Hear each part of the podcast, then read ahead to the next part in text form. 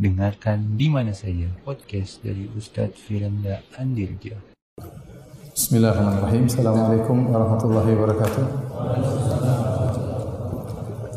Alhamdulillahi ala ihsani wa syukru lahu ala taufiqihi wa amtinani wa asyhadu an la ilaha illallah wahdahu la syarika lahu ta'ziman li sya'ni wa asyhadu anna Muhammadan abduhu wa rasuluhu da'ila ridwani. Allahumma salli alaihi wa ala alihi wa ashabihi wa ikhwani.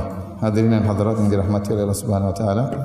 Alhamdulillah puji dan syukur senantiasa kita panjatkan kepada Allah Subhanahu wa taala atas segala limpahan karunia yang terus-menerus Allah berikan kepada kita yang silih berganti yang tiada henti-hentinya.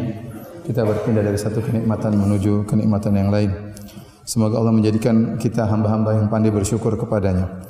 Salawat dan salam tercurahkan selalu kepada junjungan kita Nabi Muhammad sallallahu alaihi wasallam dan juga kepada keluarganya serta seluruh sahabatnya tanpa terkecuali. Kita melanjutkan bahasan kita, kita sampai pada hadis yang kelima, halaman 329. Wa an Ibni Abbas radhiyallahu anhuma dari Ibnu Abbas radhiyallahu anhuma qal beliau berkata kuntu khalfan nabi sallallahu alaihi wasallam yauman Aku di belakang Nabi sallallahu alaihi wasallam pada suatu hari Faqal maka Nabi SAW berkata, Ya gulam, ihfadillaha yahfadka. Wahai sang remaja, atau wahai pemuda, jagalah Allah, niscaya Allah akan menjagamu.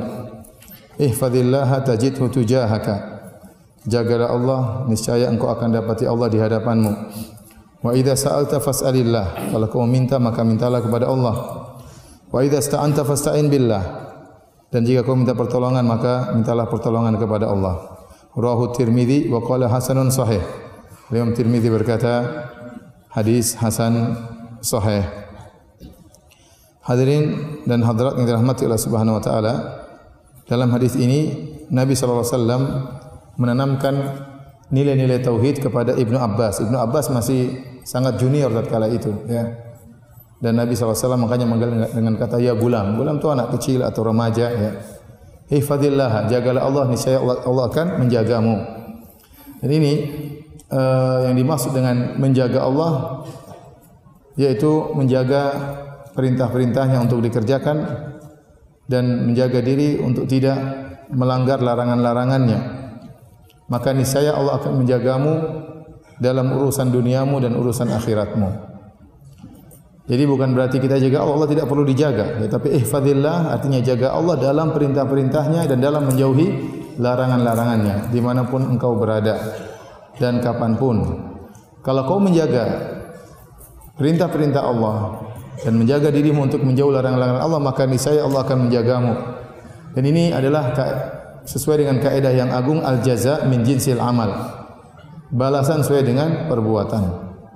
Nah, barang siapa yang menjaga perintah-perintah Allah dan menjauh dari Allah Subhanahu wa taala maka Allah akan jaga dia dalam urusan dunia maupun dalam urusan akhirat. Dalam urusan dunia kata para ulama yaitu Allah Subhanahu wa taala akan menjaga keluarganya, akan menjaga kesehatannya, akan menjaga bisnisnya, akan menjaga rezekinya ya. akan menjaga dirinya ya dari mara bahaya ya, dari hal-hal yang buruk. Adapun dalam perkara akhirat yaitu Allah menjaga agamanya. Jangan sampai dia terkena syubhat. Syubhat begitu banyak menyambarnya namun dia tetap bertahan. Ya, jangan dia terjebak dengan syahwat sehingga akhirnya dia pun melakukan hal-hal yang haram ya. Maka Allah akan menjaganya. Dan kata para ulama, bukan hanya kita yang dijaga, bahkan keluarga kita pun dijaga oleh Allah Subhanahu wa taala. Makanya seorang salaf mengatakan, ya, saya mengetahui dampak maksiat yang saya lakukan pada keluarga dan pembantuku ya. Ya pada dabah, pada tunggangannya, pada pembantunya, pada keluarganya dia melihat dampak maksiat yang dia lakukan. Oleh kerana jika seorang ingin bermaksiat kepada Allah Subhanahu wa taala, jangan dia egois memikirkan dirinya saja, tapi dia pikirkan anak istrinya, Karena bisa jadi tatkala dia bermaksiat kepada Allah, maka Allah menghilangkan penjagaan Allah dan itu berdampak pada anak dan istrinya. Jangan dia pikir ya kalau bermaksiat kan kena saya tidak. Terkadang dampak maksiat tersebut mengenai anak dan istrinya. Ustaz kok anak istrinya tidak bersalah kena? Bukan. Allah menimpakan musibah pada anak dan istrinya sebagai hukuman atas dirinya. Ya, dibuat anaknya nakal, dibuat istrinya mungkin enggak enggak benar sehingga dia yang tersiksa. Kenapa? Gara-gara maksiat yang dia lakukan tapi melalui anak dan istrinya.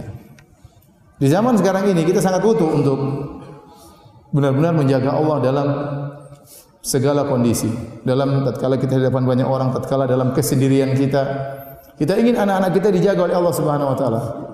Sekarang anak-anak Ya susah dia bergaul, ketemu dengan berbagai macam orang berbagai macam pemikiran. Dia buka internet, dia baca macam-macam, dia lihat macam-macam. Kita melarang sudah susah sekarang. Ya. Dia akan berontak. Ya. Kita larang dia akan lebih parah lagi, mungkin dia malah berteman dengan teman-teman yang buruk. Ya. Kita mengontrol juga susah. Zaman sekarang ini. Nah kalau kita tidak berdoa kepada Allah, tidak berusaha menjalankan perintah Allah, tidak menjauh dengan Allah, khawatir anak kita tidak dijaga oleh Allah Subhanahu Wa Taala. Maka seorang berusaha untuk menjaga Allah demi untuk dirinya, demi untuk keluarganya. Demikian juga betapa banyak syubhat ya, yang melewati seseorang, dibaca oleh seorang, didengar oleh seorang, namun karena dia takwa kepada Allah, syubhat tersebut tidak masuk dalam hatinya. Seakan-akan cuma lewat begitu saja tidak mempengaruhi hatinya. Padahal syubhatnya begitu kuat. Entah syubhat ateis, entah syubhat liberal, entah syubhat ahlul bidah, entah syubhat penolak sifat.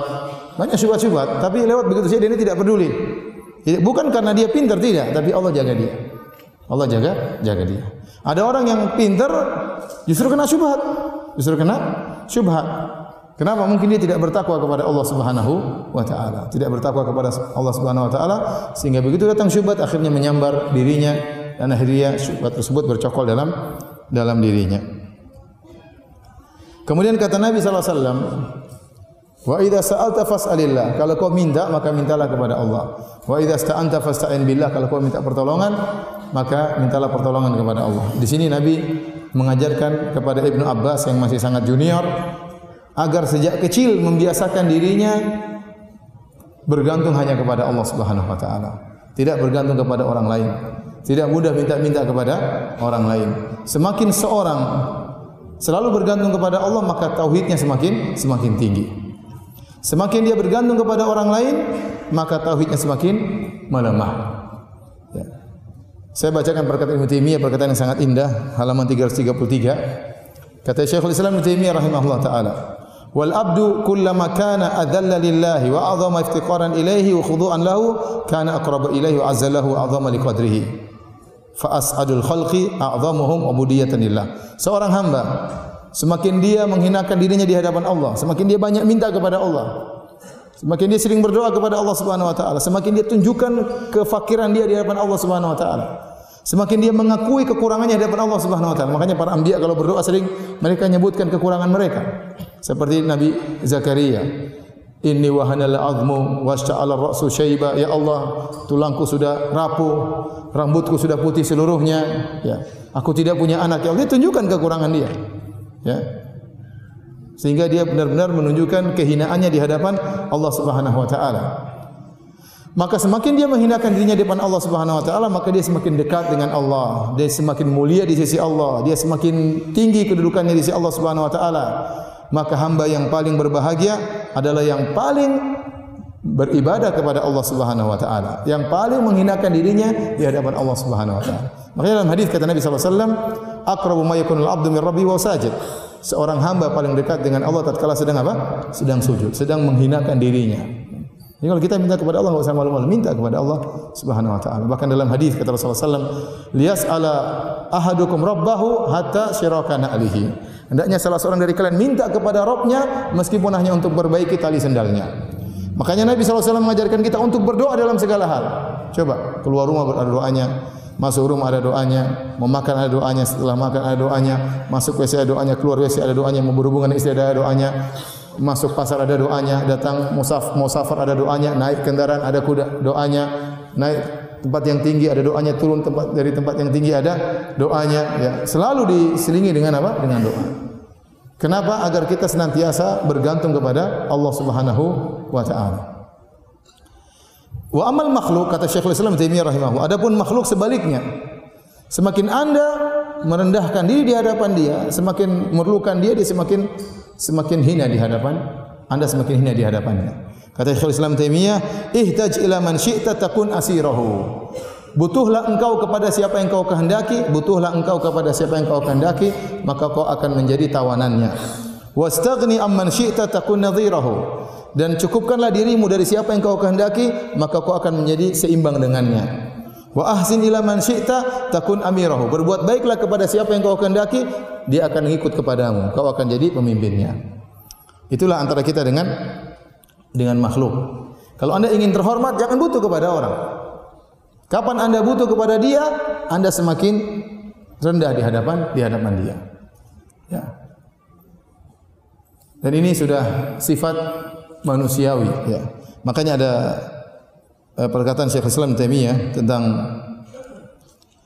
tentang uh, seorang penyair berkata, "La tas'alanna bunayya Adam hajatan wasalil ladzi abwabuhu la tuhjabu. Janganlah kau minta kebutuhanmu kepada anak-anak Adam tapi mintalah kepada Allah yang pintunya tidak pernah tertutup. Allahu in tarakta su'alahu yaghdhabu. Kalau kau tidak minta kepada Allah Allah akan marah kepadamu. Wa bunayya adam hina yus'alu yaghdhabu. Adapun anak Adam kalau kau minta kepadanya dia akan marah marah kepadamu Syekhul Islam dalam satu perkataan ini dia mengatakan demikianlah sifat manusiawi kalau kita butuh kepada dia, semakin kita butuh kepada dia, bahkan meskipun hanya seteguk air kita butuh kepada dia, maka akan jatuh diri kita di hadapannya. Kenapa Allah membuat manusia seperti itu? Supaya seorang terbiasa hanya cukup kepada Allah Subhanahu wa taala. Semakin dia tidak tidak butuh kepada orang lain, dia semakin bertauhid dan semakin kokoh tauhidnya. Semakin dia butuh kepada orang lain, semakin hina di hadapan orang tersebut.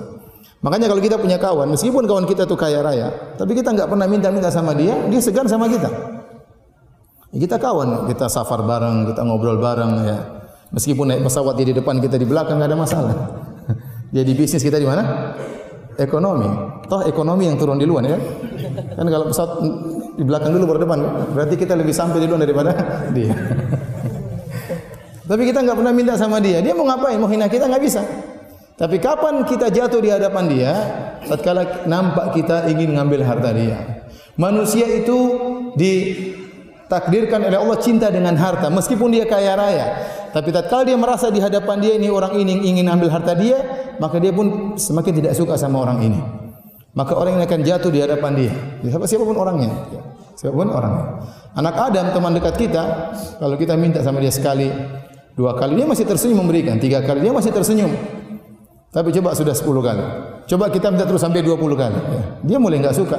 Dia mulai terganggu. Dia mulai risih. Padahal dia sangat kaya raya. Tapi kalau dia tahu orang ini suka minta-minta, dia tidak suka orang-orang tersebut. Maka Nabi mengajarkan kepada kita untuk terbiasa hanya minta kepada Allah Subhanahu wa taala. Tidaklah kita minta pertolongan kepada kawan kita kecuali kalau kepepet. Kepepet tidak ada masalah. Di luar kemampuan kita. Tapi asalnya jangan sedikit-sedikit kita minta kepada kawan kita. Jangan kasih isyarat Jangan kasih permohonan kalau perlu kita tidak minta kepada seorang pun. Biasakan minta kepada Allah Subhanahu wa taala. Taib. Hadis berikutnya perintah zuhud terhadap dunia. Wa an Sahal bin Sa'ad radhiyallahu anhu qala dari Sahal bin Sa'ad radhiyallahu anhu ia berkata ja'a rajulun ila Nabi sallallahu alaihi wasallam ada seorang laki datang kepada Nabi sallallahu alaihi wasallam kemudian dia berkata ya Rasulullah wahai Rasulullah dullani ala amalin idza amiltuhu ahabbani Allah ya tunjukkanlah kepadaku suatu amalan yang jika aku mengerjakannya maka Allah akan mencintaiku wa ahabbani nas dan orang-orang pun akan mencintaiku. Allah cinta kepada aku dan aku juga dicintai oleh masyarakat. Maka Nabi mengatakan izhad fid dunya yuhibbakallah. Zuhudlah kau di dunia untuk urusan dunia maka kau akan dicintai oleh Allah Subhanahu wa taala. Wazhad fi ma indan nas yuhibbakan nas. Dan zuhudlah engkau terhadap milik orang lain. Jangan berharap dikasih oleh orang lain. Jangan berharap dikasihani sama orang lain. Ya. jangan.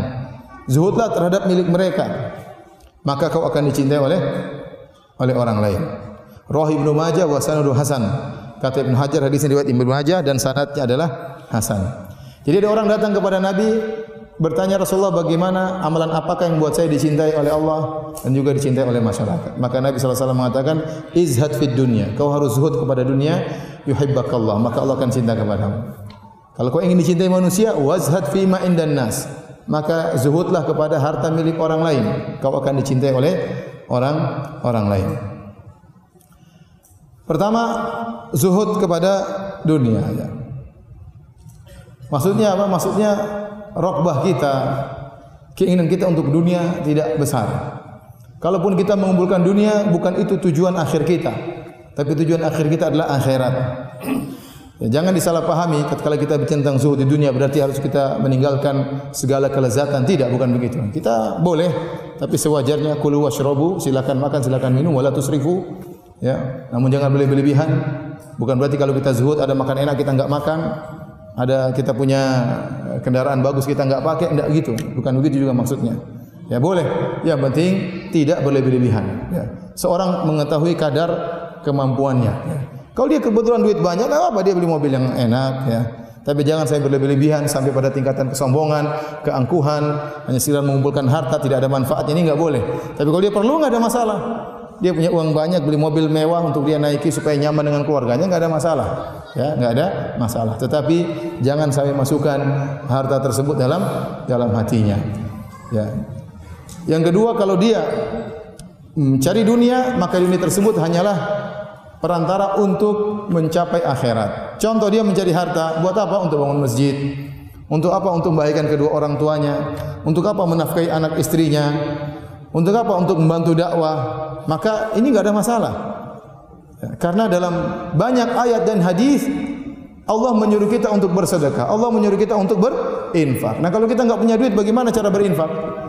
Kalau kita enggak punya duit, bagaimana cara berinfak? Bukankah tangan yang di atas lebih dari tangan yang di bawah? Kapan kita tangan kita di atas? Tatkala kita berinfak, kita harus punya penghasilan.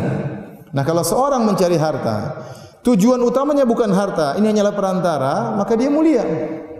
Lihat Abdurrahman bin Auf berdagang sehingga hartanya banyak, tapi dia gunakan untuk apa? Untuk bersedekah. Untuk bersedekah. Maka jangan sampai kita mencari dunia, ya. Ternyata cuma putus tengah jalan hanya tujuan dunia semata. Tidak ada kelanjutan untuk akhirat. Tapi kalau seorang mencari dunia, terkadang dia ngoyo. Yang penting dia solat, dia jaga. Buat apa? Untuk membahagiakan ibunya, untuk buat rumah bagi ibunya, untuk bersedekah di jalan Allah. Maka ini mulia. Berarti kegiatan dia seluruhnya adalah untuk Allah Subhanahu wa taala. Makanya Ibn Rajab Al-Hambali dalam kitabnya Jamil Ulum wal Hikam dia mengingatkan, tatkala datang hadis-hadis tentang perintah zuhud, banyak orang menyangka bahwasanya dunia itu hina. Banyak orang menyangka bahwasanya zaman itu hina. Maka beliau menjelaskan tidak ada kehinaan pada zaman, tidak ada kehinaan pada dunia. Zaman kalau di zaman kalau dimanfaatkan, bukankah Allah mengatakan ya apa namanya? Wa huwa alladhi ja'ala lakum ja'ala al-laila wan nahara khilfatan liman arada ayyadhakkara aw arada syukura. Dialah Allah yang menciptakan siang dan malam silih berganti. Untuk apa? Liman arada ayyadhakkar dengan zaman tersebut seorang bisa berzikir kepada Allah atau ingin bersyukur kepada Allah Subhanahu wa taala. Zaman tidak boleh dicela, ya. Demikian juga dunia tidak boleh dicela, emas tidak boleh dicela. Emas, perak, uang tergantung penggunaannya apa. Masalah pencelaan atau peng, atau eh, pujian dan celaan itu tertuju kepada sikap anak Adam dalam menghadapi dunia tersebut. Seandainya dia zuhud terhadap dunia tersebut, meskipun dunia di tangannya, dia zuhud, maka dia mulia. Di antara bukti dia zuhud terhadap dunia, dunia dia sedekahkan. Ya, dia sedekahkan, dia berikan kepada fakir miskin. Ya. Bagi dia mudah mengeluarkan uang untuk Islam, untuk orang-orang miskin, untuk orang-orang susah. Berarti dia zuhud terhadap dunia. Kapan tidak dia katakan dia zuhud? Kalau dia benar-benar cinta kepada dunia tersebut. Dia kumpulkan, dia hitung tiap hari. Dicek tiap hari ATM-nya berapa. Tiap hari dicek. Ya. Hitung-hitung. Hitung-hitung dunia terus. Sebagaimana sifat orang-orang kafir. Yahsabu anna malahu akhladah alladhi jama'a mala wa addada yang mengumpulkan harta dan menghitung-hitungnya kenapa dia hitung-hitung terus yahsabu anna malahu akhlada dia menyangka hartanya akan mengkekalkan dia kalla sekali-sekali tidak harta yang dia kumpulkan tidak akan menambah umurnya meskipun satu detik meskipun satu menit tidak ada kalau waktunya meninggal dia akan meninggal meninggal dunia Subhanallah sebagian orang benar-benar cinta sama dunia Siang malam bekerja ngumpulin dunia. Dia bangga melihat ATM-nya semakin membengkak semakin banyak duitnya. Dia sendiri tidak menikmati dunia. Waktu dia untuk mengumpulkan dunia lebih banyak daripada waktu dia menikmati apa? Dunia. Kapan dia menikmati dunia dengan keluarganya, dengan anak-anaknya? Kapan dia santai sementara dia terus sibuk cari dunia, ya? Dan dia tidak merasakan dunia kecuali cuma cuma sedikit. Banyak orang seperti itu. Makanya seorang jangan menjadikan dunia dalam hatinya. Kalau terjadi sesuatu dunia menimpa kita, misalnya ada musibah kena dunia, ya sudah. Kita sedih boleh, tapi jangan terlalu mendalam kesedihan kita. Kalau agama kita yang terkena musibah, ya baru kita sedih. Kok sekarang saya sudah tidak semangat sholat berjamaah? Kok sekarang saya sudah tidak semangat ngaji? Kok sekarang saya malas baca Quran? Ini jadi masalah. Kita sedih. Makanya kata Nabi SAW, "Wala tajalid dunya wal akbar hammina, wala tajal musibah fi dinina." Ya Allah, jangan kau jadikan dunia adalah puncak cita-cita kami dan jangan kau jadikan musibah kami pada agama kami. Musibah pada dunia ya biasa. Ya. Ada seorang luar biasa cintanya kepada dunia berlebihan. Punya mobil mewah dilap-lap terus tiap hari. Ya. Kalau mobilnya keserempet sedikit, hatinya langsung sakit luar biasa. Ya. Sampai ada kasus saya pernah ditanya oleh seorang, istrinya naik mobilnya kecelakaan, istrinya telepon, "Mas, saya kecelakaan." Yang ditanya pertama kali, "Mobilnya gimana?" Bukan istrinya gimana. Dia lebih cinta mobil daripada istrinya. Hati-hati. Jadi kita zuhud kepada dunia artinya tidak masukkan dunia dalam apa? hati kita. Makanya supaya dunia tidak masuk dalam hati kita, jangan terlalu mewah-mewah. Jangan terlalu mewah-mewah. Kalau kita bikin rumah terlalu mewah, kita cinta sekali sama rumah tersebut. Mau mati rasanya eman. Ngerti eman enggak? Sudah bangun mewah-mewah, wah, mau mati gimana? Sudah mewah kayak gini kita mati gimana? Eman rasanya. Akhirnya apa? Kita membuat dunia masuk dalam hati kita. Karena kita terlalu benar-benar lost dalam masalah tersebut. Ya. Jor-joran kalau masalah dunia. Jangan. Kita punya uang boleh nikmati, tapi jangan terlalu mewah-mewah. Tidak mesti kita punya mobil termewah, tidak mesti kita punya rumah termewah, enggak. Yang kita ada duit, alhamdulillah kita nikmati. Sewajarnya silakan kita sedekah, sedekah, sedekah, bahagikan orang tua, bahagikan fakir miskin sekitar kita. Itu bukti bahwasanya kita zuhud kepada pada dunia. Jadi zuhud itu masalah hati. Zuhud itu artinya apa? Tidak tertarik dengan dunia itu zuhud. Bukan berarti kaya dan miskin. Ada orang miskin tapi enggak zuhud, cintanya sama dunia luar biasa, tapi enggak dapat dapat. Kerja siang malam, siang malam, cinta tamak tapi enggak dapat dapat. Jadi masalahnya bukan masalah penampilan. Ada orang mungkin penampilan sederhana tapi dia benar-benar apa? Tidak zuhud, benar-benar tamak. Ada orang yang kaya tapi dia zuhud dia. Bagi dia uang keluar, orang kasih orang minta sedekah, dia langsung kasih. Bagi dia mudah mengeluarkan uang. Sebagai mudah bagi, sebagaimana mudah bagi dia untuk mendapatkan harta.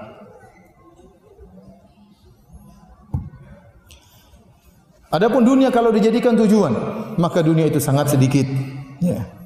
Kata Allah, "Kul mata'ud dunya qalil wal akhiratu khairul liman ittaqa." Katakanlah bahwasanya perhiasan dunia itu sangat sedikit. Adapun akhirat lebih baik bagi orang yang bertakwa. Bayangkan kata Nabi sallallahu alaihi wasallam, "Raqatul fajri khairu minad dunya wa ma fiha." Dua rakaat sebelum subuh lebih baik daripada dunia dan seisinya.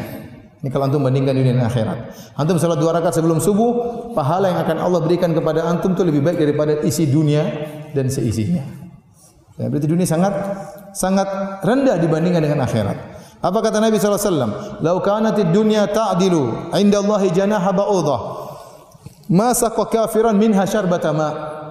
Kalau seandainya dunia di sisi Allah itu sama nilainya seperti sayap seekor nyamuk, maka Allah tidak akan memberikan kepada seorang kafir meskipun hanya seteguk air. Apa maksud hadis ini? Maksudnya hadis ini, dunia itu enggak ada nilainya, maka Allah berikan dunia kepada orang kafir. Seandainya dunia itu punya nilai seperti sayap seekor nyamuk, Allah tidak akan kasih meskipun seteguk air kepada orang kafir. Namun karena dunia itu enggak ada nilainya, maka Allah tidak Allah memberikan dunia kepada orang-orang orang-orang kafir. Ini bagi orang-orang menjadikan dunia sebagai tujuannya. Tapi kalau dunia dijadikan perantara untuk meraih akhirat, maka dunia sangat bernilai. Bayangkan sekeping dinar yang kita infakkan nilainya kayak apa? Ya. Dunia yang kita berikan. Kata Nabi wasallam, ya, eh, fattaqun nar walau bi syakki tamrah. Jagalah dirimu dari neraka jahanam meskipun dengan bersedekah sepenggal korma. Tatkala dunia menjadi sarana untuk tujuan akhirat maka sangat bernilai di sisi Allah Subhanahu wa taala. Faham? Coba dunia yang sebesar ini kalau jadikan tujuan hidup kita tidak ada nilai sisi Allah Subhanahu wa taala. Namun tatkala dunia adalah sarana untuk mencapai akhirat, maka sepenggal korma bukan satu butir, sepenggal korma sangat bernilai sisi Allah Subhanahu wa taala. Maka Nabi mengatakan, "Fattaqun nara walau bisyaqqi tamrah." Maka hindarkan dirimu dari neraka jahanam meskipun hanya dengan bersedekah sepenggal korma. Ibn Rajab Al-Hambali menyebutkan tentang ciri-ciri zuhud biar antum tahu antum zuhud atau tidak ya. Dan ini berat ya. Jangan orang menyangka saya zuhud. Zuhud apaan? Cek dulu ya. Dia sebutkan tiga perkara ciri-ciri orang zuhud. Yang pertama, kata beliau az-zuhdu fid dunya bi thalathati asya. Zuhud ini itu dengan tiga perkara. Kulluha min amalil qalb. Seluruhnya berkaitan dengan amalan hati. Jadi ingin ingatkan bahwasanya zuhud itu masalah hati, bukan amalan zahir. Ya. Jadi orang saya katakan orang penampilannya sederhana tapi hatinya apa? Tamak dengan dunia. Jadi orang penampilannya oke okay, tapi hatinya tidak tamak dengan dunia. Kulluha min amalil qalbi la min amalil jawarih. Tiga perkara ini yang merupakan ciri-ciri zuhud adalah seluruhnya amalan hati bukan amalan anggota tubuh. Yang pertama, an yakuna al-'abdu bima fi yadillahi awsaq minhu bima fi yadi nafsihi. Seorang hamba lebih yakin dengan apa yang ada di sisi Allah daripada apa yang ada di tangannya. Seorang hamba lebih yakin dengan apa yang ada di sisi Allah yang ada di surga daripada apa yang ada di di tangannya. Ya. Bahwasanya apa yang ada di tangannya ini ya uh, tidak ada dibandingannya dengan apa yang disimpan oleh Allah Subhanahu wa taala di di akhirat. Atau dalam tafsiran lain bahwasanya seorang tidak bergantung dengan dunia yang dia miliki, tapi dia bergantung kepada Allah Subhanahu wa taala. Maka ini hanya bisa timbul dengan kekuatan keyakinan. Jika dia meyakini bahwasanya apa yang dia pegang ini bukan jadi patokan, menjadi patokan di sisi Allah Subhanahu wa taala, maka itu adalah orang yang yang zuhud ya. Dia tidak menyangka kebahagiaan dia itu dengan apa yang dia miliki bukan. Dia tidak menyangka rezeki yang dia miliki dengan apa yang dia pegang, tapi semuanya kembali kepada Allah Subhanahu wa taala. Prakteknya contohnya kalau dia yakin akan hal ini, ia tidak akan mencari harta dengan cara yang haram. Karena dia tahu bahwasanya rezekinya bukan pada harta yang haram. Dia yakin Allah yang memberikan rezeki, bukan yang ada di depan matanya, bukan ada yang di tangannya. Maka kalau ada yang haram dia tinggalkan. Dia yakin bahwasanya Allah akan berikan dia rezeki. Kemudian di antara prakteknya dia yakin bahwasanya rezekinya tidak tergantung kepada orang lain. Benar dia kerja sama orang, ada bosnya. Tapi rezeki dia bukan dari bos ini. Bos ini hanyalah perantara. Rezeki dari siapa? Allah Subhanahu wa taala. Sekali-sekali dia di PHK, enggak ada masalah bagi dia. Dia yakin rezekinya bukan dari orang ini. Rezeki dari siapa? Allah. Dia tidak yakin dengan apa yang dia lihat. Dia tidak yakin dengan apa yang dia pegang, tapi dia yakin dengan apa yang ada di sisi Allah Subhanahu wa taala. Kemudian dia tidak terpedaya dengan harta yang ada di tangannya sehingga lupa kepada Allah. Sehingga jangan sampai dia merasa bahwasanya semua rezekinya adalah apa yang dia lihat. Ya. Rezeki bukan cuma apa yang dia lihat, tapi rezeki adalah apa yang disimpan oleh Allah Subhanahu wa taala. Ini perkara pertama yang menunjukkan ciri-ciri orang yang zuhud. Nah, kalau ada orang merasa rezekinya ada pada bosnya, berarti dia bukan orang yang zuhud. Seorang menyangka kebahagiaannya pada rezeki yang dia miliki, itu bukan orang yang yang zuhud. Ya. Berarti dia lebih yakin kepada yang dia lihat daripada yang dijanjikan oleh Allah Subhanahu wa taala. Yang kedua, ini lebih berat lagi. Ciri zuhud yang kedua, an yakuna al-'abdu idza usiba bi musibatin fi dunyahu min dhahabi malin aw waladin aw ghairi dhalik arghabu fi thawabi dhalika mimma dhahaba minhu min ad-dunya an yabqa lahu. Seorang hamba jika ditimpa dengan musibah mengenai dunianya, apakah hartanya hilang atau anaknya meninggal atau yang lainnya, maka dia lebih semangat untuk mendapatkan pahala dengan hilangnya dengan musibah tersebut daripada tetapnya dunia tersebut pada dirinya. Maksudnya apa? Contoh dia mobilnya dicuri. Dia sedih, tapi dia lebih semangat pahala dengan kesabaran dia dengan hilangnya mobilnya daripada mobilnya ada. Susah atau tidak? Saya ulangi, ini kata Ibn Rajab. Kalau mau tahu orang-orang ciri zuhud, berarti orang itu kan enggak, enggak hatinya tidak terikat dengan dunia. Bukti kalau hatinya tidak terikat dengan dunia, kalau mobilnya dicuri orang, ya sudah dia bilang pahalanya lebih besar. Saya lebih senang pak mobil saya hilang daripada mobil saya ada. Siapa yang bisa begitu? Ini namanya orang yang zuhud. Bukti bahwasanya hatinya tidak terikat pada dunia. Ya. Tapi kalau ternyata dia ngamuk-ngamuk, marah-marah, pingin mobilnya hilang, berarti dia hatinya terikat dengan apa? Dunia. Berarti dia belum zuhud. Jadi tidak gampang bilang si fulan zuhud. Ini masalah hati. Masalah masalah hati. Ya. Seorang tatkala anaknya meninggal, dia tahu dia sangat sedih. Tapi dia tahu bahwasanya pahala yang Allah siapkan bagi dia dengan meninggalnya anaknya lebih besar daripada kalau anaknya masih hidup bersama dia. Apakah dia mampu seperti itu? Kalau dia mampu seperti itu berarti dia orang yang yang zuhud. Kecelakaan misalnya mobilnya kecelakaan rusak. Begitu kecelakaan langsung dia mengatakan alhamdulillah ala kulli hal. Innalillahi wa inna ilaihi rajiun. Dia tahu bahwasanya musibah yang menimpanya ini pahalanya lebih besar, lebih baik daripada seandainya tidak terjadi kecelakaan. Ini berarti dia zuhud dengan dunia. Tapi kalau ternyata dia ngamuk-ngamuk, marah-marah, gara-gara mobilnya rusak sedikit, berarti dia bukan orang zuhud. Meskipun dia ngomong dia, dia zuhud. Antum sudah punya ciri kedua? Hah? Ciri pertama lewat, ciri kedua juga lewat. Siapa tahu ciri ketiga, coba lihat. ciri ketiga orang zuhud. Kata Ibn Rajab, an yastawi indal abdi hamiduhu wa dhamuhu fil haq. Sama saja menurut dia orang yang memakinya atau orang yang memujinya, bagi dia tidak pengaruh. Bukan tatkala orang memuji dia kemudian dia bergembira, orang mencela dia kemudian dia sedih, tidak bagi dia sama aja. Bagi dia yang penting adalah komentar Allah. Apakah Allah memuji dia ataukah Allah mencela dia? Apakah dia taat kepada Allah ataukah dia bermaksiat kepada Allah Subhanahu wa taala?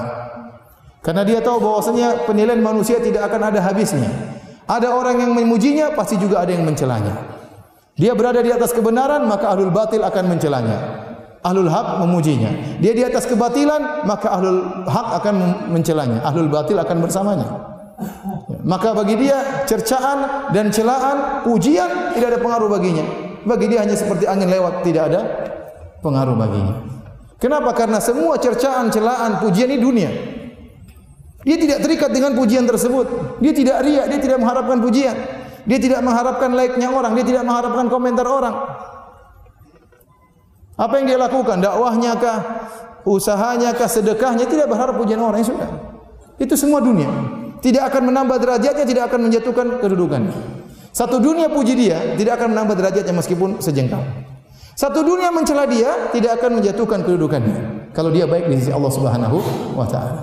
Maka hatinya tidak tergantung dengan pujian dan cercaan manusia. Sebagian orang sibuk dengan komentar orang. Kalau ada orang puji dia, segera dia screenshot, kemudian dia masukkan ke Facebook. Nih, si fulan muji saya. Ini polisi ini muji saya saya kemarin dakwah di sini, gubernur muji saya. Sibuk dia itu, sibuk mencitrakan dirinya sendiri. Karena itu tujuan dia memang dunia. Ini orang bukan orang yang zuhud. Zuhud bukan hanya pada penampilan, zuhud masalah hati. Kalau dia masih ingin pujian orang, dia enggak zuhud, berarti dia ingin dunia. Pujian manusia itu dunia atau akhirat? Dunia. Antum ciri zuhud tiga tadi. Satu, enggak. Dua, enggak. Tiga, apalagi. kita hanya berdoa semoga Allah menjadikan kita orang-orang yang zuhud. Karena buku ini buku ini buku level tinggi sebenarnya. Hmm. Berat. Jangankan antum berat, kita ustaz saja berat. Siapa bisa manusia seperti ini? Zuhud yang sesungguhnya. Kalau anda punya sifat seperti ini, yakinlah Allah mencintai anda. Dan manusia pun akan cinta kepada kepada anda. Tapi siapa yang memiliki sifat seperti seperti ini? Sebagian orang subhanallah, ada orang puji dia segera dia masukkan ke medsos. Saya bilang ini kalau ini bukan riak, apalagi yang namanya riak? Si fulan muji saya, si fulan rekomendasi saya dia. Saya dipuji oleh syekh ini, saya dipuji oleh syekh ini. Ngapain? Ngapain? Taib. Yang kedua, kalau anda ingin dicintai oleh manusia, kata Nabi SAW, wazhad fima indan nas. Jangan berharap dari manusia. Jangan berharap dari manusia. Kita kerja sama orang, kita berharap kepada Allah. Ya Allah, misalnya kita jual barang sama orang, orang nawar-nawar. Ya Allah, bukakan hatinya beli barangku. Kita minta kepada siapa? Pada Allah. Kalau Allah kita yakin kalau Allah tidak buka hatinya dia tidak akan beli barang. Begitu seperti itu. Ya. Ini susah. Kebanyakan kita langsung menggantikan diri kita kepada orang tersebut secara langsung. Kebanyakan orang kalau kerja sama bosnya dia gantungkan dirinya langsung kepada bos seakan-akan sumber rezekinya dari bos. Padahal yang menggerakkan hati bosnya siapa? Allah. Maka latih diri. Ya dia baik sama bosnya, tetapi dia yakin yang menggerakkan hati bosnya adalah Allah. Jadi latih diri kita untuk menggantungkan diri kepada Allah Subhanahu wa taala bahwasanya jangan dia berharap dari dari manusia ya. Uh, saya bacakan uh, perkataan Syekhul Islam Taimiyah. Wa matah tajta ilaihim walau fi syarbati ma'in. Kapan kau butuh kepada mereka kepada manusia? Meskipun hanya seteguk air naqasa qadruka indahum bi qadri hajatika. Maka kedudukanmu akan turun di sisi mereka sesuai kadar kebutuhanmu kepada mereka Wa hadha min hikmatillahi wa rahmatihi. Ini termasuk dari hikmah Allah dan rahmatnya. Liyakuna dinu kulluhu lillah. Agar agama seluruhnya milik Allah. Wa la yushraku bihi syai' Dan tidak ada yang Allah tidak disekutukan dengan siapapun. Artinya Allah menyuruh kita untuk menggantungkan diri kita kepada Allah. Sehingga Allah ngajarin kalau kamu minta sama orang kamu akan dihina oleh orang maka mintalah kepada Allah. Mintalah kepada Allah. Sejauh mana kita butuh kepada orang, sejauh mana kita akan rendah di hadapan orang. Ya. Saya dulu awal-awal saya di di Madinah saya sering dengar kaset-kaset ceramah. Ada nasihat yang selalu terngiang di telinga saya. Nasihatnya Syekh Saleh Al Syekh, Menteri Agama sekarang. Dia bilang dalam nasihat tersebut, kapan engkau seorang dai bergaul dengan orang yang punya uang, orang kaya, dan orang kaya tersebut tahu kau hendak mengambil uangnya, kau akan jatuh di hadapan dirinya. Dan dia punya firasat orang ini lagi dekat dengan saya, butuh dengan saya. Dia akan kasih, tapi kau hina di hadapan dia. Tapi kau hina di hadapan di hadapan dia. Adapun kalau kita mengantungkan hati kita kepada Allah, kita bergaul dengan orang kaya, tapi kita tidak minta sama dia, dia akan kasih kepada kita. Kalau kasih kita terima hadiah. Allah yang gerakkan hati dia kasih hadiah sama sama saya misalnya. Tapi saya tidak mau menggantungkan hati saya kepada dia. Rezeki saya bukan pada dia. Kalau tidak tidak ketemu dia enggak ada masalah. Ya. Rezeki dari Allah Subhanahu wa taala. Tapi kapan kita menggantungkan hati kita kepada seorang kita akan hina di hadapan dia. Apalagi ada isyarat kita minta kepada dia, sudah. Namanya manusia meskipun dia kaya raya, tapi kalau dia tahu ente ingin mengambil duit dia, dia enggak suka sama ente. Dia enggak suka sama ente. Oleh karenanya, ini maksudnya agar seorang benar-benar mengantungkan hatinya hanya kepada Allah Subhanahu wa taala. Taib.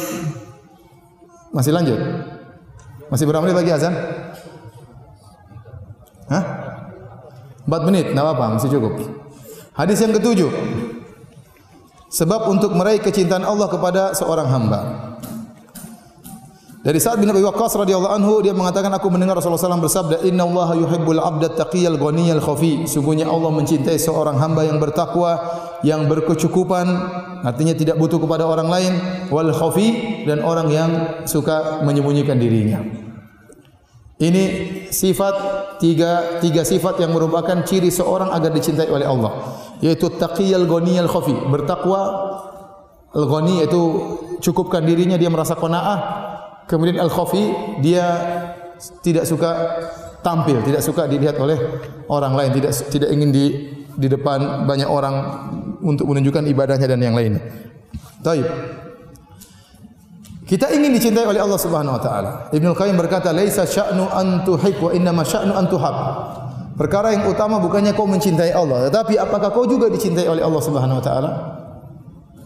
Kalau seorang mengaku cinta kepada Allah banyak Yahudi dan Nasrani juga mengaku dicintai oleh Allah, tapi ternyata pengakuan mereka bertepuk sebelah tangan Allah tidak cinta kepada mereka. Apa kata Allah Subhanahu wa taala? Wa qalatil yahudu wan nasara nahnu abna'ullahi wa. Berkata Yahudi dan Nasrani, kami ini kekasih-kekasih Allah. Kata Allah, "Qul falima yu'adzibukum bidzunubikum?" Kalau kalian adalah kekasih Allah, kenapa Allah pernah mengadab kalian? Bukankah nenek moyang kalian ada yang pernah dirubah menjadi monyet dan babi-babi? Kalau Allah mencintai kalian, enggak mungkin Allah akan mengadab kalian. Dan ini dalil bahwasanya kalau Anda sudah dicintai oleh Allah, Anda tidak akan diadab oleh Allah Subhanahu wa taala. Karena tidak mungkin seorang mengadab orang yang dicintainya. Ya. Makanya kalau ada seorang suami ngomel terus sama istrinya, berarti dia kurang cinta sama istrinya. Apalagi istrinya dipukul, digambar, berarti dia tidak cinta sama istrinya. Demikian juga kalau seorang istri ngomel terus sama suaminya, cintanya dipertanyakan. Kalau cinta, kita tidak ingin menyakiti orang kita cintai. Kita tidak ingin menyinggung hatinya. Benar atau tidak? Kalau anda cinta mati sama istri, ingin menyinggung hatinya, enggak mau. Karena saya cinta sama dia. Saya ingin tidak ingin dia tersinggung. Ya. Tapi kalau seorang ternyata ngomel-ngomelin istrinya atau ngomelin suaminya, cintanya dipertanyakan. Nah, kaidah mengatakan dalam ayat ini, kul falima yu'adzibukum bidzunubikum tatkala orang Yahudi mengaku kekasih-kasih Allah, maka Allah berkata, kalau kalian dikasih Allah, kenapa Allah mengadab kalian? Ini dalil bahwasanya seorang berusaha meraih kecintaan Allah. Kalau Allah sudah mencintai dia, dia tidak akan diadab oleh Allah Subhanahu wa taala. Nah, bagaimana dia meraih kecintaan Allah? Di antaranya dengan tiga sifat ini, at-taqi, al-ghani, al-khafi azan ya. Taib. Azan kita lanjut ya. Azan kita silakan azan. Jika pada dirinya ada tiga ciri ini, maka dia akan dicintai oleh Allah Subhanahu wa taala. Dan sudah saya sebutkan tadi, kalau seorang dicintai oleh Allah, maka Allah tidak akan mengazabnya. Maka seorang berusaha untuk dicintai oleh Allah Subhanahu wa taala. Yang pertama at-taqi itu seorang hamba yang bertakwa. Takwa yaitu meninggalkan larangan-larangan Allah Subhanahu wa taala menjalankan perintah-perintahnya. Ittaqillah haitsu ma kunt, bertakwalah dimanapun kau berada. Kita bertakwa kepada Allah tatkala di hadapan banyak orang, demikian tatkala kita bersendirian. Tatkala bersama keluarga, tatkala jauh dari keluarga. Kita bertakwa kepada Allah tatkala di rumah, demikian juga tatkala di kantor. Kita bertakwa kepada Allah tatkala di dalam negeri maupun di luar negeri takwa kepada Allah tatkala sedang mukim maupun tatkala bersafar ya. Bertakwalah kepada Allah dimanapun dan kapanpun. Jika anda berusaha bertakwa kepada Allah maka anda akan dicintai oleh Allah Subhanahu wa taala. Yang kedua al-ghani. Al-ghani maksudnya bukan orang kaya raya tapi dia merasa berkecukupan. Artinya dia qanaah.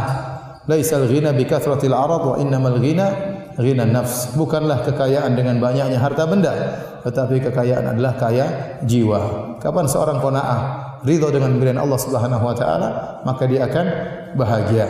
Kapan seorang tidak pernah puas dengan apa yang dia miliki, dia tidak akan pernah bahagia. Saya selalu ingatkan ini hal ini sangat penting bagi para ibu-ibu. Ibu-ibu berusaha untuk memiliki sifat qanaah. Kalau ibu-ibu qanaah biasanya bapak-bapak lebih qanaah juga. Tapi kalau ibu-ibu tidak qanaah, ingin ganti mobil, ingin ganti rumah, ingin ganti tas, ingin gonta-ganti terus ya. Lama-lama ganti istri nanti. jangan. Karena kalau ibu sudah tidak konaah, biasanya bapaknya terbawa. Akhirnya mas, utang dong mas, utang. Susah nanti sayang kalau utang. Tawakal mas, insya Allah utangnya bisa dibayar. Jadi suami yang dipengaruhi oleh istri untuk banyak utang. Ya. Memiliki sesuatu yang belum dia mampu bangun rumah yang mewah padahal duit tidak cukup, beli mobil yang mewah padahal duit tidak cukup. Kapan seorang tidak qanaah dia tidak akan bahagia. Jadi qanaah itulah harta yang luar biasa yang, yang jika seorang memilikinya maka dia akan hidup dengan uh, bahagia. Makanya apa kata Imam Syafi'i rahimahullah taala, "Idza ma kunta dha qalbin qanu'in fa anta malikud dunya sawa'u." Kalau kau memiliki hati yang qanaah maka kau dan raja sebenarnya sama saja. Siapa juga ingin jadi raja? Pusing banyak urusan rakyat begitu banyak. Bagaimana tanggung jawab di akhirat kelak? Bagaimana kalau ada kemiskinan? Bagaimana kalau ada gejolak ekonomi? Bagaimana kalau penyerangan dari luar? Siapa yang ingin jadi presiden? Siapa yang ingin menjadi menteri? Tidak mesti bahagia menjadi orang-orang besar tidak mesti bahagia menjadi orang-orang besar. Anda yang penting qanaah, ya hidup sama anak-anak sama istri sudah Anda bisa bahagia. Bukankah mereka mencari kebahagiaan? Bukankah para pejabat-pejabat terus mencari kepuasan? Ya, Anda bisa mencapai kepuasan sebelum mereka meraih kepuasan tersebut. Ya. Dan sering mereka tidak meraih kepuasan. Sering kita lihat orang-orang besar, wajah mereka tersenyum, tapi di balik senyuman tersebut banyak tanda tanya, banyak beban yang mereka pikul. Oleh karenanya, yang penting seorang yang dicintai oleh Allah Subhanahu Wa Taala memiliki sifat qanaah. Kalau dia qanaah, dia sering bersyukur kepada Allah. Dia mensyukuri nikmat yang Allah berikan kepadanya. Yang ketiga, ini yang penting, al-khafi. Al-khafi adalah seorang yang tidak ingin tampil. Tidak ingin tampil, tidak ingin dicitrakan, tidak ingin pencitraan. Kalau bisa dia tidak tampil, dia tidak tampil. Ini namanya al-khafi. Al-khafi artinya yang tersembunyi, yang tersembunyi. Seorang berusaha tidak ingin tampil, tidak ingin harus dia di depankan, dia yang sebagai pembicara, dia yang harus uh, dinomorsatukan, ya. Taib ya. Jadi ini namanya al-khafi ya. Al-khafi jadi seorang uh, tidak ingin tampil, tidak ingin memamerkan dirinya ya karena orang yang suka pamer, suka tampil, suka pencitraan ini dibenci oleh Allah Subhanahu wa taala. Tapi insyaallah kita lanjutkan kajian kita setelah salat Isya. Wabillahi taufiq wal Assalamualaikum warahmatullahi wabarakatuh.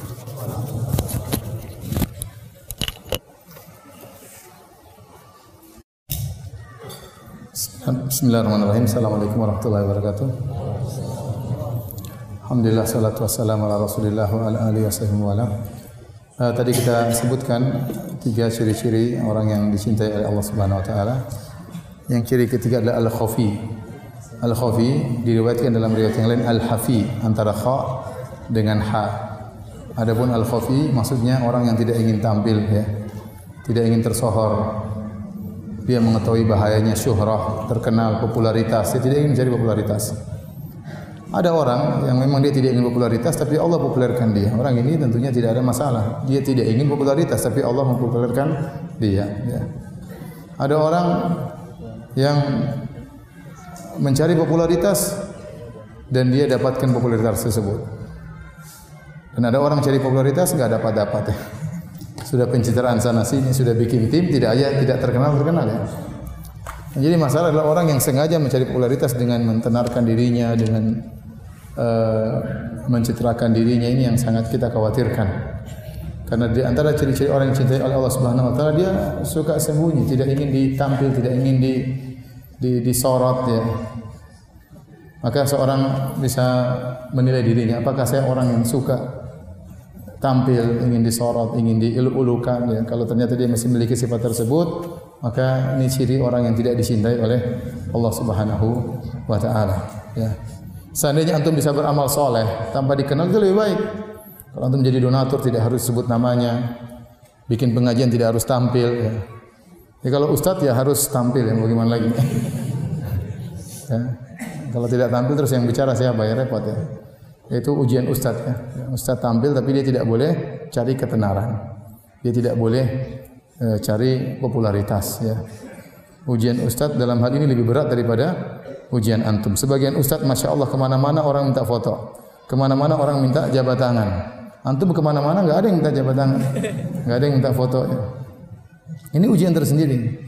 Kalau imannya tidak kuat dia akan terjerumus dalam ria, terjerumus dalam ujub, ingin lebih terkenal lagi, ingin followernya lebih banyak lagi, seorang bangga dengan jumlah banyak followernya ini terjadi. Sebenarnya orang saya mengatakan sampai sebagian orang mengatakan kalau saya tidak ikhlas enggak mungkin pengikut saya banyak. Sampai ada yang mengucapkan demikian. Kalau saya tidak ikhlas enggak mungkin pengikut saya banyak. Saya tegur orang tersebut. Saya bilang tidak dalil bukan berarti kalau pengikut banyak itu berarti Anda ikhlas. Ya, betapa banyak orang-orang sesat pengikutnya lebih banyak.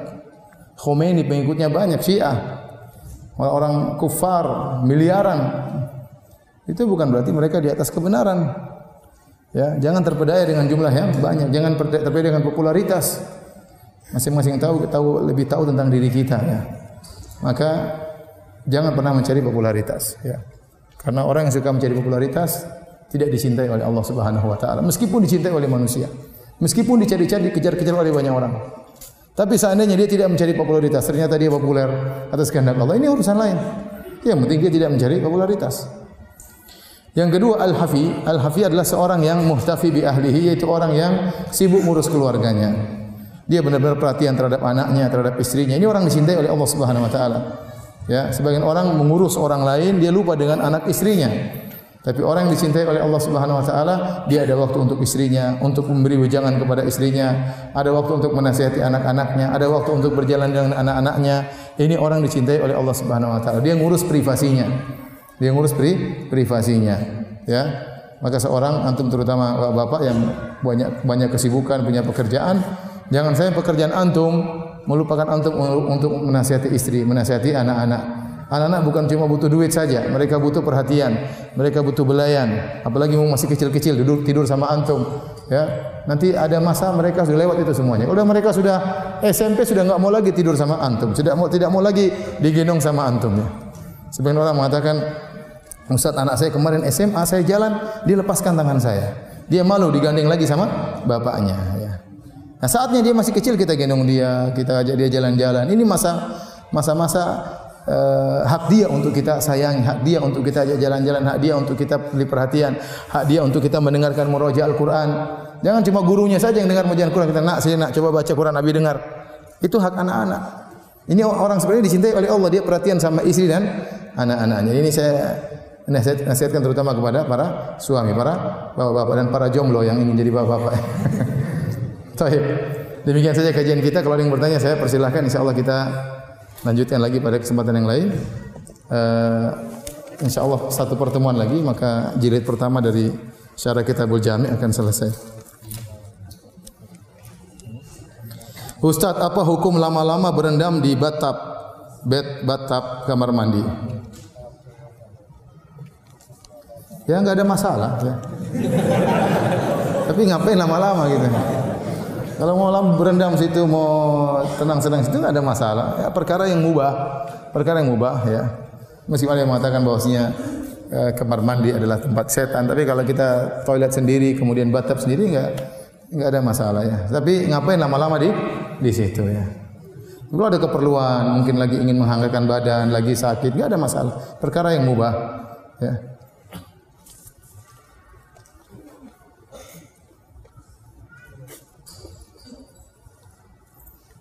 Ustadz, apa Ustadz memiliki rekening uang di bank konvensional? Ini namanya kepo ini, pingin tahu urusan apa?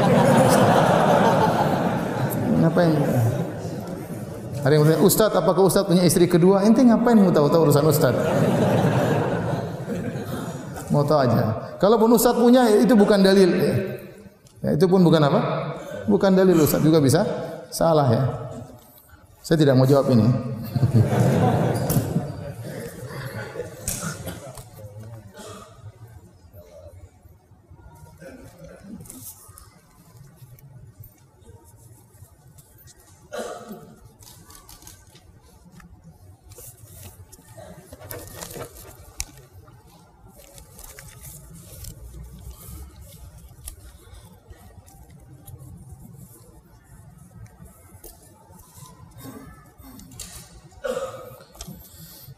Bagaimana cara bertobat ketika dulu kita mendapat SIM, surat izin mengemudi dengan menyogok?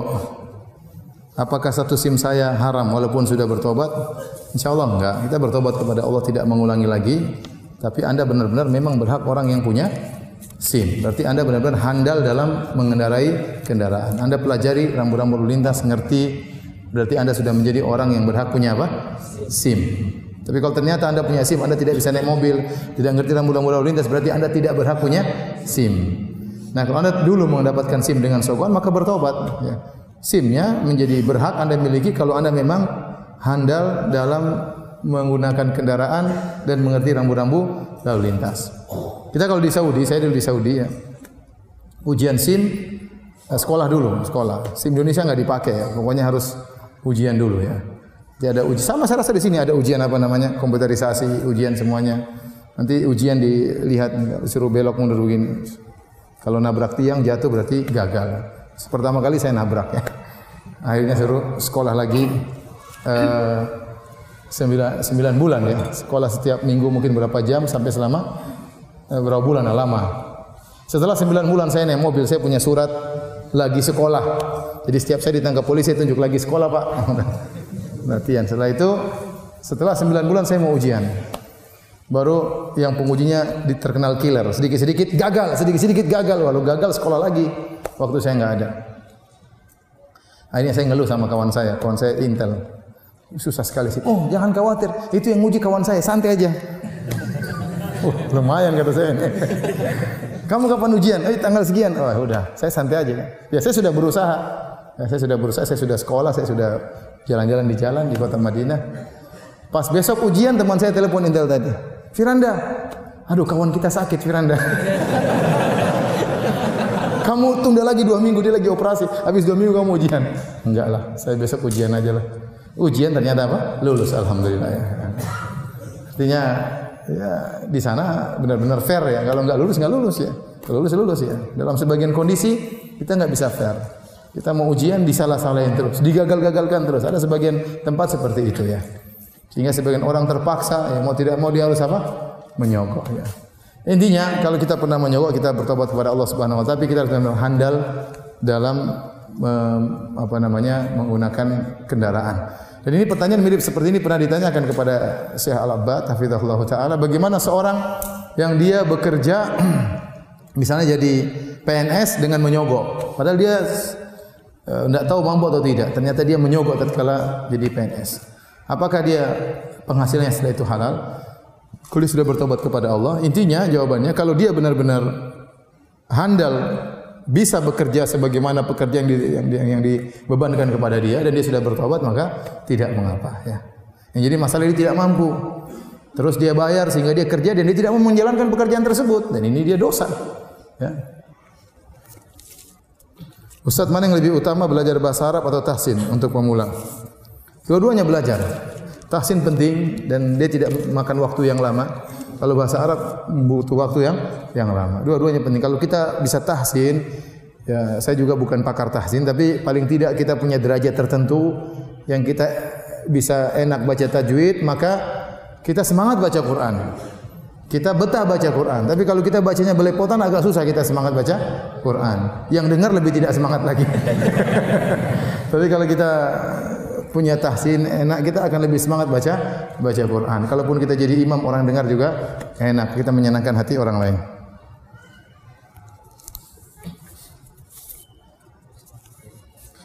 Ustaz, jika kita berbuat bid'ah, bid'ah apa itu syirik? Bid'ah itu bertingkat-tingkat. Ada bid'ah berkaitan amalia, tidak sampai derajat syirik. Ada bid'ah yang berkaitan dengan masalah akidah seperti syiah, khawaris itu bid'ah semua. Ada bid'ah berkaitan dengan amalia dan itu menunjukkan kesyirikan. Contoh, orang-orang minta di kuburan. Nah, ini bid'ah dan dia dia merasa itu ibadah dan itu bid'ah sekaligus apa? Syirik. Jadi bid'ah bertingkat-tingkat sebagaimana maksiat bertingkat-tingkat. Tidak boleh dipukul rata, tidak boleh dipukul rata ya. Maksiat bertingkat-tingkat. Melihat cewek cantik melotot itu maksiat. Berzina juga maksiat. Sama-sama maksiat tapi tingkatannya berbeda. Bid'ah juga begitu bertingkat-tingkat. Maka tidak boleh seorang menganggap satu tingkatan itu kesalahan.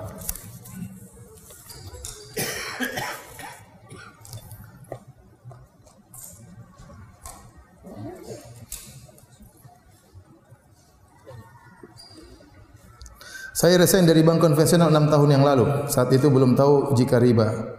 Resign karena alasan keluarga. Setelah ini saya mulai tahu tentang riba. Saya terima uang pensiun bulanan dan sewaktu saya resign menerima uang yang dibayar sekaligus. Bagaimana hukumnya dengan uang tersebut?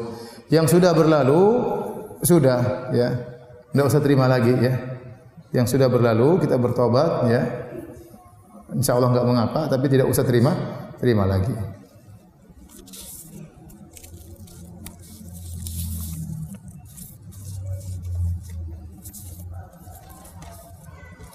Ustaz, bagaimana hukumnya membaca doa dalam hati? Dalam hati uh, lebih bagus diucapkan. Sunnahnya berdoa itu diucapkan.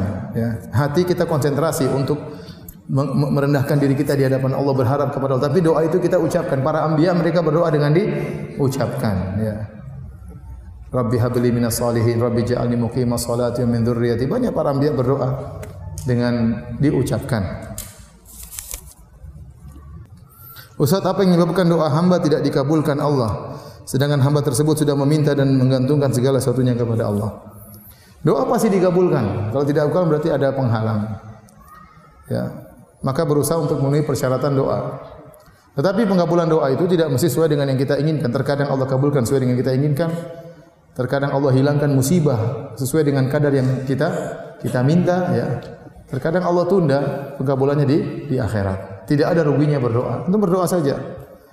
Apa yustabajil ahadikum malam ya'jal dikabulkan doa bagi salah seorang selama dia tidak terburu-buru. Dia berkata da'autu da'autu saya sudah berdoa saya sudah berdoa. Terkadang saya berdoa saya sudah berdoa bertahun-tahun saya berhenti saya sudah tidak berdoa karena ada kesibukan yang lain tahu-tahu Allah kabulkan pada waktunya dua tahun kemudian baru Allah kabulkan. Penting antum minta enggak ada ruginya antum meminta. Tetap husnudzan kepada Allah. Kalau Allah tidak kabulkan saat itu, Allah lebih tahu saat itu belum pantas untuk dikabulkan. Atau Allah akan kabulkan di akhirat. Jangan pernah seudon kepada Allah Subhanahu wa taala. Terlalu banyak orang berdoa dikabulkan. Anda tidak dikabulkan ada sesuatu. Apakah ada penghalang atau memang belum saatnya untuk dikabulkan saat itu. Jadi seorang berdoa ya Allah berilah rezeki, jadikanlah saya kaya. Tapi Allah tahu tatkala dia kaya mungkin dia angkuh, mungkin dia sombong, mungkin dia lupa untuk beribadah. Ini ya Allah majukan usahaku, tapi Allah tahu kalau dia majukan usaha, dia mulai banyak rapat, akhirnya solat berjamaah dia tinggalkan dan macam-macam. Ya. Ya, seorang berdoa yang terbaik minta kepada Allah Subhanahu Wa Taala. Tapi kalau tidak dikabulkan jangan seudon kepada Allah Subhanahu Wa Taala. Saya seorang istri yang punya penghasilan sendiri. Bolehkah uang tersebut saya simpan sebagai harta tabungan dan kalau saya meninggal dunia lebih dahulu bisa menjadi hak waris untuk anak-anak. Iya boleh kalau itu uang penghasilan sendiri maka boleh kita simpan. Bapak saya menikah kembali setelah istrinya meninggal dunia. Bolehkah saya dan tiga anaknya meminta harta warisan yang ada di bapak saya? Maksudnya warisan dari ibu ya. Kalau ibu meninggal berarti ibu punya harta warisan. Kalau memang ibu punya harta warisan boleh kita minta.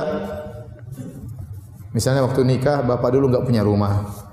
Ibu punya rumah. Kemudian nikah tinggal di rumah milik ibu. Kalau ibu meninggal bapak kawin lagi. Tinggal di rumahnya ibu. Nah, sebenarnya kita punya hak itu harta warisan ibu. Berarti bapak dapat seperempat, sisanya buat anak-anak. Ya. Laki-laki perempuan dengan perbandingan dua banding satu. Boleh saja, tapi jaga perasaan bapak, sampaikan dengan baik-baik. Kalau kita perlu, tidak apa-apa. Karena harta warisan memang sebaiknya langsung segera dibagi. Ustaz, bagaimana sikap kita ketika kita ingin salat berjamaah, akan tapi jamaah di depan kita rok mukenanya turun melorot dan dia mengenakan celana jeans yang cukup ketat. Kalau tidak ada tempat salat aja enggak apa, urusan dia dengan Allah Subhanahu wa taala. Ya, kalau kita terganggu karena ngelihat melorotnya terus ya sudah cari tempat yang lain. Saya ingin menanyakan apakah saya tetap berdosa apabila saya punya cicilan rumah melalui bank namun di bulan kelima saya mengambil keputusan mengopar alihkan ke orang saja karena saya takut akan dosa yang ditimbulkan. Namun ternyata saudara saya mau meneruskan cicilan tersebut. Saya sudah jelaskan alasan saya tidak ingin meneruskannya karena riba. Namun saudara saya tetap ingin meneruskannya. Semua cicilan masih atas nama saya. Boleh kalau seorang terlanjur punya cicilan rumah di bank, punya utang di bank dan dia harus mencicil dan dia niatnya dia tahu ini haram, dia sudah bertobat kepada Allah dan dia berniat untuk menutup. Bahkan ada orang bantu untuk menunjukkan seperti saudaranya membantu melunaskan tidak apa-apa. Yang penting niatnya bukan apa-apa, niatnya untuk segera terputus dari apa? Bank. Karena kalau semakin dia tunda, maka semakin membengkak bunganya. Jadi kita boleh nolong orang, ada orang terjebak dengan hutang di bank, kita boleh bantu segera menyicilkan agar dia segera terlepas dari bank. Ini hukumnya boleh dan ini termasuk dari ta'awun al-birri wa taqwa, tolong menolong dalam kebaikan dan ketakwaan. Ustaz, bagaimana pandangan Ustaz menurut pendapat Syekh bin Bas mengenai meninggalkan solat fardu sekali saja terjatuh pada kafiran? Saya uh, kurang setuju dengan pendapat beliau. Ya. Saya lebih condong kepada pendapat yang lain seperti pendapat Syekh Al-Utsaimin maksudnya seorang dikatakan kafir kalau meninggalkan salat itu jika tarakal salat bil kulliyah jika dia meninggalkan salat secara keseluruhan dia tidak salat fardu tidak salat jumat tidak salat uh, id maka orang ini sudah bukan orang Islam ini pendapat yang lebih kuat ya karena kata Nabi faman tarakah faqad kafar barang siapa meninggalkan salat maka dia telah kafir Artinya meninggalkan secara keseluruhan. Tapi kalau dia masih bolong-bolong, Jumatan masih sholat, maka dia terjerumus dalam dosa yang sangat besar, tapi belum pada derajat kekafiran. Allah alam bisawab. Demikian saja. Subhanakallah bihamdik. Asyadu ala ila anta astagfirullahaladzim. Assalamualaikum warahmatullahi wabarakatuh.